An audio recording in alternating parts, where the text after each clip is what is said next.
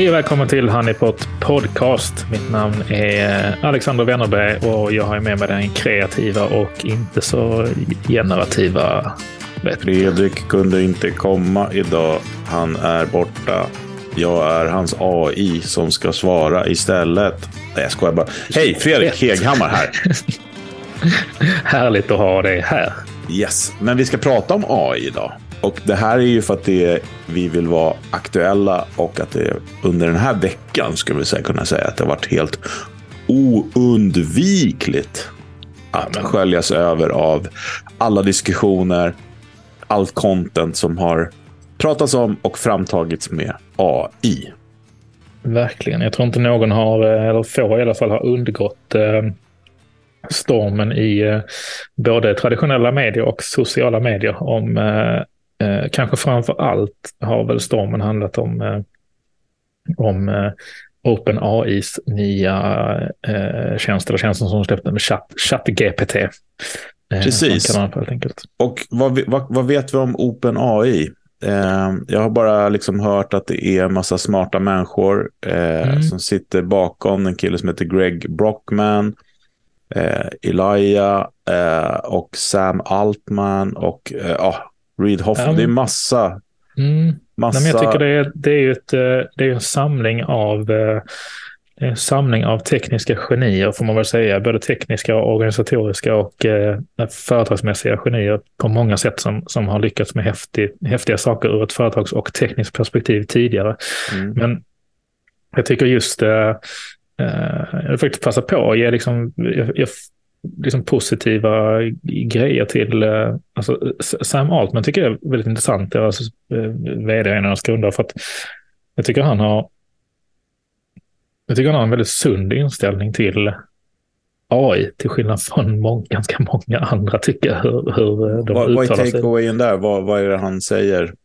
Uh, nej men att det, han, jag tycker han, han pratar ganska sunt i intervjuer och olika samtal kring AIs Eh, roll i form av hur den kan förstärka oss som människor och hur den kan förbättra för oss som människor. Mm. Eh, och eh, just påpekar också hur viktigt behovet av liksom sociala sammanhang, känslor, mänsklighet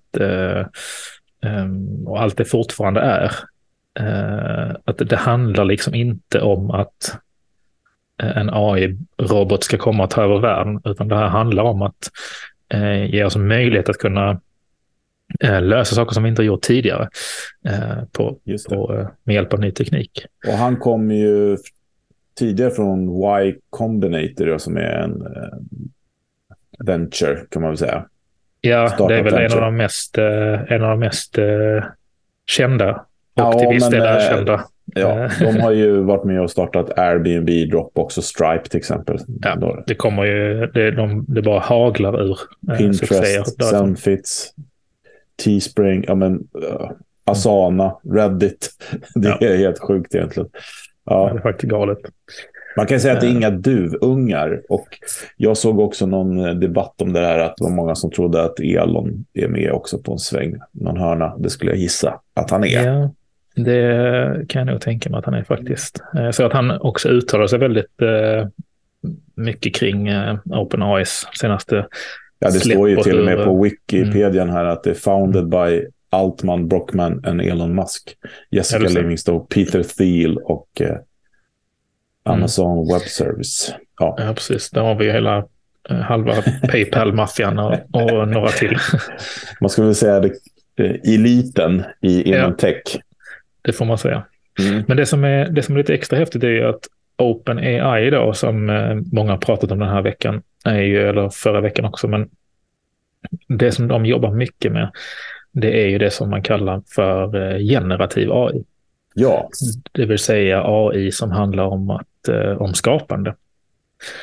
Och med skapande kan det ju vara det kan vara i form av text, videos, bilder, musik, röst, ljud Eh, helt enkelt AI som kan skapa innehåll. Eh, som, men tittar man liksom traditionellt på AI så har det snarare handlat om att dra slutsatser kanske av data snarare än att skapa nytt, eh, eh nytt innehåll. Och det som är så intressant när AI kommer till den här punkten tycker jag, det är att Eftersom att AI eh, liksom inte primärt handlar om att, om att ge ett kommando liksom när det här händer, gör det här. Mm. som traditionell teknik eller datorer handlar om. Utan det handlar snarare om att ge dem ett, ett, ett, ett säga, ge den ett sätt att lära sig på så blir det otroligt intressant när vi börjar skapa innehåll som inte tidigare är skapat med hjälp av andra faktorer än människor. Just det. Uh, vi båda tycker båda väldigt mycket om musik och har spelat mycket uh, också genom åren. Jag kommer ihåg att du pratade om ett tag, uh, för ett tag sedan om det här med, med liksom AI eller datorer som kunde skapa låtar och skapa hits. Mm. I det att man kunde liksom se mönster i vad eh, vad det är som gör att det blir en hit. Och så kan ja, precis, de... de har ju all den här informationen men de använder det ju inte riktigt för att det, det blir kanske inte riktigt så bra då, men för att komma igång så är det väldigt bra. Och det var det jag liksom också hörde en debatt igår om några som mm. pratade om just det här med kommer det här ersätta copywriting till exempel, om man tänker så. Att många mm. nu har ju testat med att skriva texter. Och det funkar ju så att man anger då nyckelord och sen så formulerar liksom AI sig, så att säga. Mm. Eh, och det är jättebra. Det är gott mycket bättre än vad många vanliga människor, inklusive mig själv, kan få till. Liksom, eh, om man, när man inte är en utbildad copywriter. Sådär. Men det de sa också, att framförallt så handlar det om liksom att när man har lite skrivtorka eller ska komma igång eller ska producera mycket content. Eh, mm. Eftersom det är så många plattformar idag. Så, så är det ett perfekt verktyg. Liksom. Mm. Man kanske inte bara ska köra det. Men... Nej, men jag, nej, och jag, men jag tror att jag tycker liksom jag har fått, säga jättemycket, fått höra jättemycket optimistiska saker kring det, men också väldigt mycket Eh, så pessimistiska saker om, som det ofta är när det sker stora teknikskiften. Om man pratar om så här, ska det här ersätta um, det här och det här jobbet, ska det ersätta det här, de här uppgifterna eller de här människorna och så vidare. Men ja, ett, ett, ur mitt perspektiv så är jag väldigt, väldigt positiv på det ur den aspekten att det som är lite intressant, mm. det är att en, en sak som jag tänkt på genom åren också är att det som när det handlar om att eh, komma fram till liksom lösningar och idéer och förändring som vi jobbar mycket med. Mm. Så det är rätt intressant för att hur viktigt vi pratar om det är liksom med perspektiv och kvantitet för att hitta kvalitet och så vidare. Mm. Också är att de som sitter på väldigt, väldigt värdefulla tankar eller idéer eller eh, förslag eller input. Mm. Kanske inte nödvändigtvis är de personerna som är bäst på att uttrycka sig. Nej, så eh, För den sakens skull. Mm. Eh, medan det å andra sidan kanske är så att det finns folk som är väldigt duktiga på att uttrycka sig. Eh, men som kanske inte nödvändigtvis sitter på den bästa inputen, så att säga. Eh, och det som skulle kunna bli väldigt häftigt med det här, om vi får det att funka på rätt sätt, det är ju att det här um, ja, som man säger, liksom, kan argument människan, om det kan förstärka människan i att det kan ge kraften till alla människor att kunna eh, delta med bättre eh, uttryck eller bättre sätt att förklara saker på eller vad det nu kan tänkas vara för någonting. Mm. Ja, men det, det, är ju det är precis det jag menar, att det kan funka som en enabler. Eh, mm. Sen så är det ju liksom Sen är det ju också jäkligt bra på något sätt, tänker jag ut och hitta. Men jag tänker då innovationsarbete, när man ska ta fram lösningar mm. hit och dit. Jag försökte hitta den här, det finns ju den här ryska modellen, eh, innovationsmodellen, som jag inte kommer på vad den heter. Jag försökte hitta den, men eh, den är liksom, det är mer som en, en modell liksom på lösningar. Saker. Har du liksom ett vattenproblem, men då har den, då, titta, jag tror att den heter ja, jag är irriterad att jag inte kommer ihåg just nu, det är poddhjärnan. Men liksom, den har en, en, en, grid där man tittar då liksom på ja, men om jag har det här problemet, hur ser lösningen ut då? Liksom, ja. eh, liksom fördefinierat. Och, och, den är ju väldigt etablerad och eh, funkar väldigt, väldigt bra också. Men jag tänker just på, på eh, med AI då, hur det kan hjälpa oss att, att eh, komma, komma fram. Och det är precis som du säger då, att att hjälpa de som kommer och de som bidrar med att kunna formulera sin idé är ju ett, ett, bra. Och för att hitta ett format på det, som vi pratar om också, det här med mm. att kunna jämföra äpplen med päron. Då är det så här, ja, men jag har, har ett frö till en idé som jag låter AI hjälpa mig att formulera utifrån det här formatet då, som vi har enats om att vi behöver. Eh, den kanske till och med kan göra lite research på om det finns liknande saker och förse då med, eh, med lite ja, mer content, helt enkelt, data. Mm. Det tycker jag är intressant. Ja. Jag kommer till, nu när du sa det här med, modellen, när man mappar ut och följer ett, liksom en, en, en spår. Jag kommer tänka på att det finns en, um, utanför Tekniska museet i Stockholm, så finns det olika sådana eh, på marken som de har målat upp. Eh, som man kan så man, man startar på en punkt och så får man fråga så ska man välja väg, yes eller no. Mm. Eh, men det finns en sån, eh, och de är ju, de är ju för barn. Ja, men, eh, men jag provar dem också. men du vet, vi måste dream like a child but test like an adult. Ja. Men det är en som jag eh, alltid skrattar åt när, när, när jag går förbi den. Um, för jag bor ganska nära.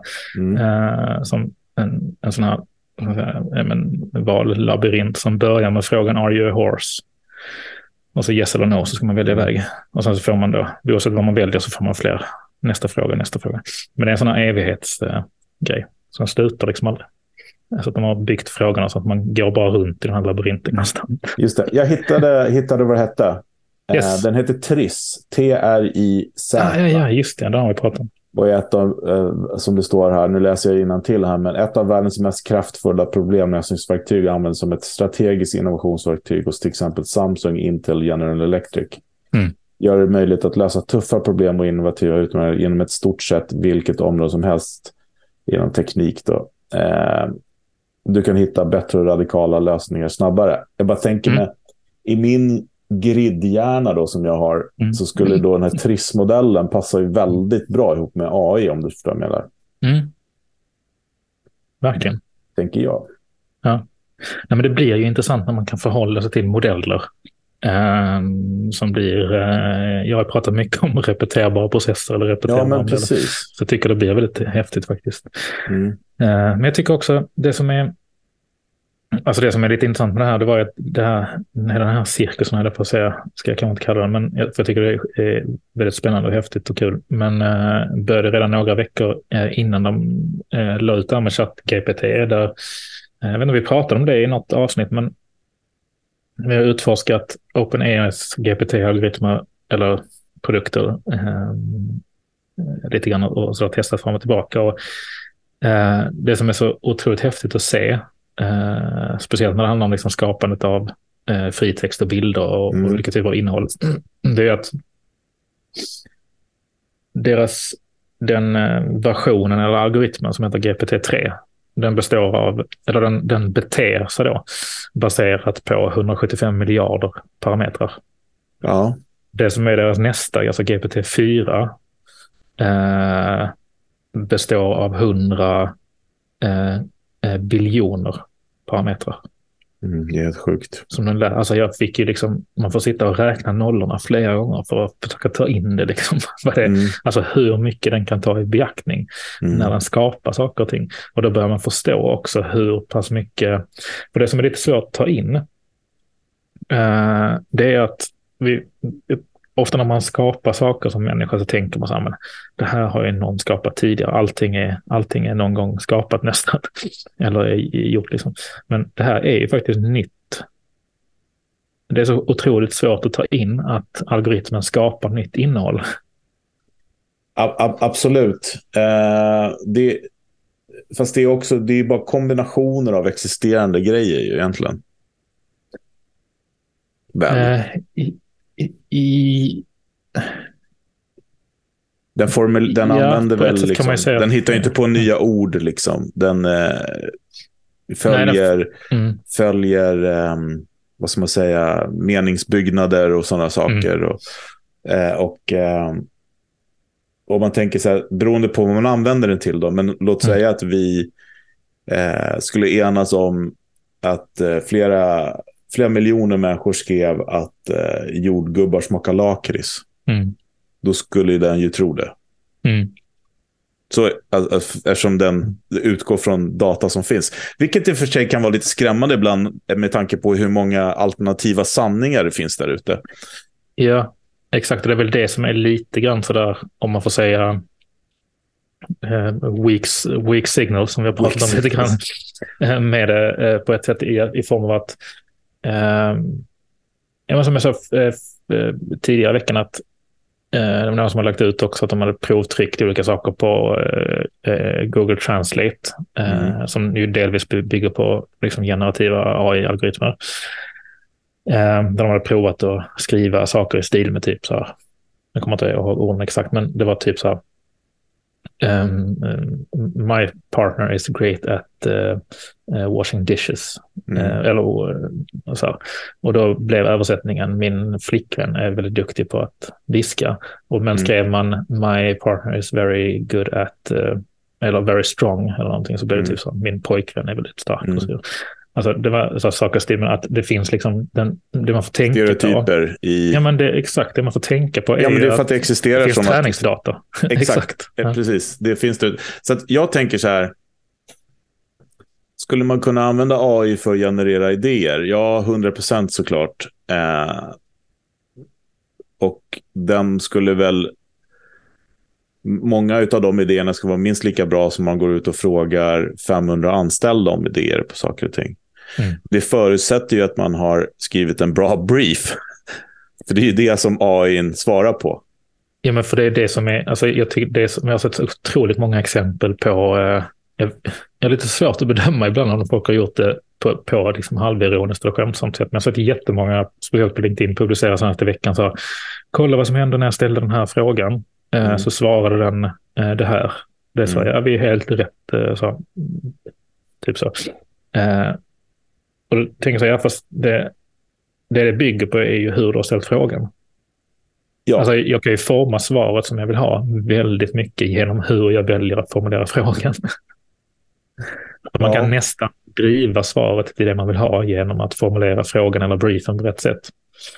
Det vill säga att faran kan också bli att det är så här att om det börjar användas för att bara bekräfta den sanning som man redan tycker så att säga, Precis, Men, och, och, och, där, det leder mig lite grann till vad jag ser direkt som ett bra användningsområde för, för eh, folk som jobbar med, eh, med innovation eller med att, eller till exempel folk som använder vårt verktyg.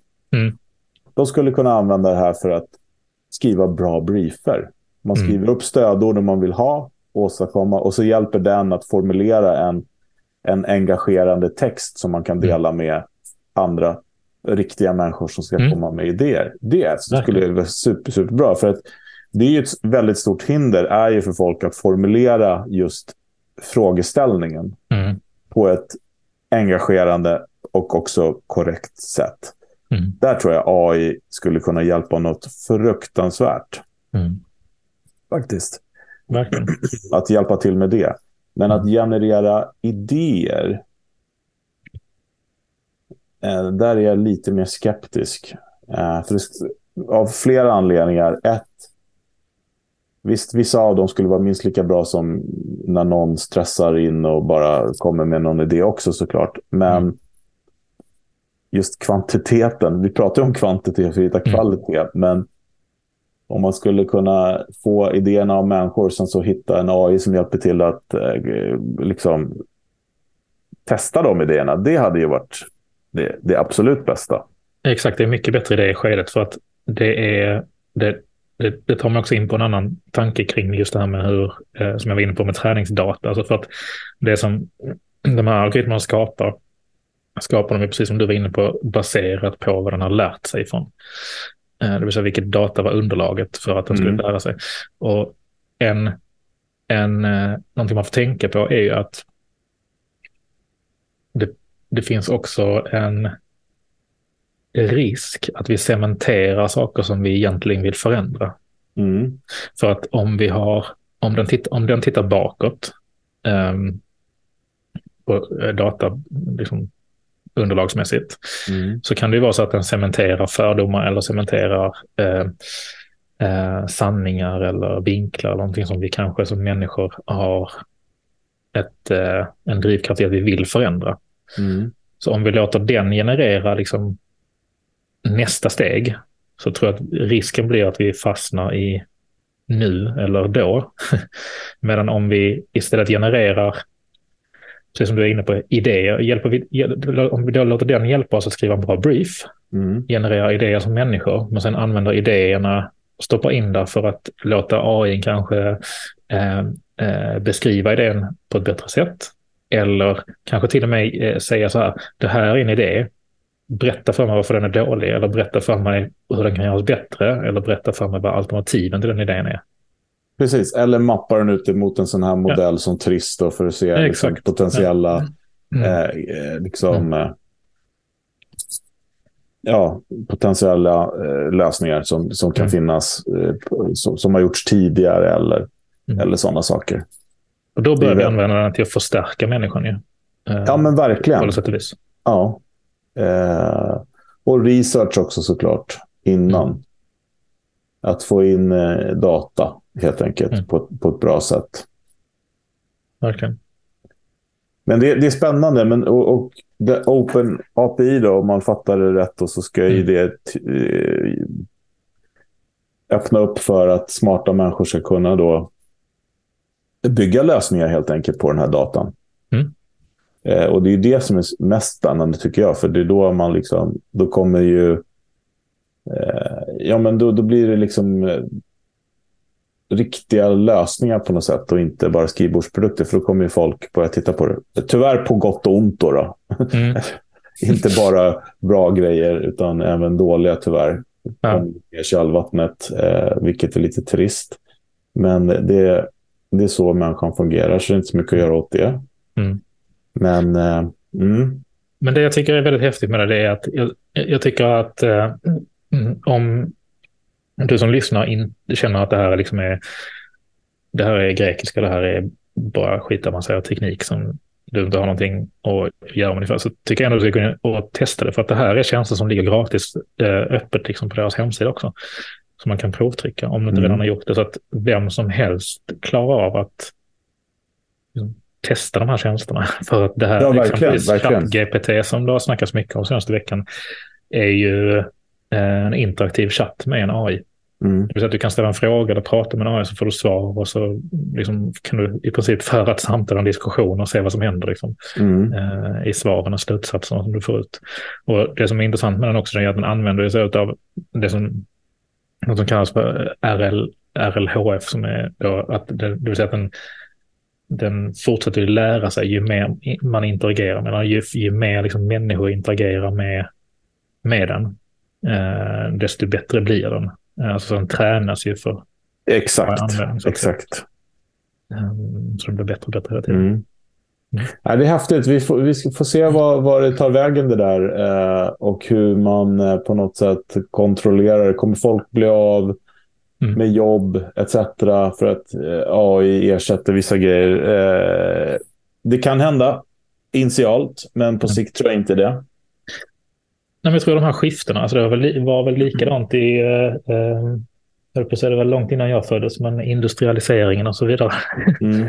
jag har likadant där också, att det är liksom eh, eh stund, eller under liksom en kort, ursäkta, en kortare period eh, liksom skapade eh, lite högre arbetslöshet och eh, utmaningar på olika sätt i samhället med det. Men, men med tiden så skapade det ett mycket bättre samhälle för människan. Mm. I form av att vi inte behövde slita på vår kropp lika mycket. Att vi kunde liksom... Mm. Om, om det nu är bra för samhället. Men det är en annan fråga. Ja, exakt. Precis, exakt. När folk blir eh, 100 år eller 150 år plötsligt för att ja, de inte gör så mycket. Eller att de dör väldigt tidigt för att de inte rör på sig.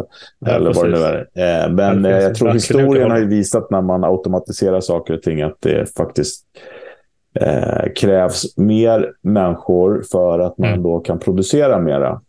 Precis. Vilket kanske är en parameter som inte är lika relevant idag då när man tittar på mm. i hållbarhet. Så det kan mm. vara lite andra förutsättningar nu eh, helt mm. enkelt. Mm. Men i vilket fall som helst så är det väldigt eh, spännande. Eh, och utvecklingen går ofta snabbast på där det är lite shady helt enkelt. Och det är mm. väl trist. Men redan nu så är det ett stort problem till exempel på universitet med, med eh, studenter som eh, mm. gör uppsatser och sånt med de här verktygen. Det finns verktyg som inte kostar många hundralappar i månaden som eh, kan skriva liksom hela uppsatser till dig som är supercheckade för att inte liksom trigga några plagiat mm. varningar och så vidare. Så att det, det är helt klart utmaning. Undrar, undrar om det kommer att gå tillbaka till liksom att universiteten tvingas köra liksom eh, papper och penna på plats eh, eller hur det ska liksom Ja, det kan vara så. Det är lite intressant just det där med hur, mm. hur man kan liksom... det blir fortfarande, det blir jätteintressant när vi kan eh, stärka upp människan. Men det kan också bli väldigt farligt om vi börjar eh, använda det till för att vi inte ska behöva, för att vi inte ska behöva lära oss. Eh, ja, eller? Jag håller, jag håller med dig, men mm. man ska vara lite djävulens advokat så också. Behöver vi lära oss massa grejer när vi har en AI som kan allt åt oss? Nej. Det är en annan filosofisk fråga. Det behöver vi inte, tycker jag. Men jag tror att det finns en... Där finns det en eh, en annan fråga som jag tänker på som är att jag, då tror jag också att, att eh, eh, risken finns att eh, det blir dystopiskt, men risken finns då också att AI blir, får en för stor makt. Det vill säga att skulle någon gå in och ändra saker och ting i AI-algoritmerna mm. så faller ju ganska mycket saker. Eh, I så fall om vi inte själva har eh, varit med om det, så att säga. Ja, absolut, absolut. Mm. Det håller jag med om. Eh, men sen så kan man ju också tänka då att att vissa... Eh, ja, men är, är det liksom vettigt att man sitter och korvstoppar med massa information inför ett prov som man aldrig ens kommer tänka på hela sitt liv? Nej, nej, men alltså, och det, det, det, är jag, alltså, jag är en av de främsta kritikerna och skeptikerna till hur skolan är utformad idag. Mm. Men eh, för att det, det tänker jag också på likadant när, liksom, om man tittar på folk som pluggar på universitetet, de, de pluggar tre, fyra, fem eller sex år. Liksom. Det man läser, säg att man läser någonting år två. Eh, det kanske är personligt för mig. Alltså sannolikheten att någon kommer ihåg det år fyra eller år fem, alltså när de sen ska börja jobba med det.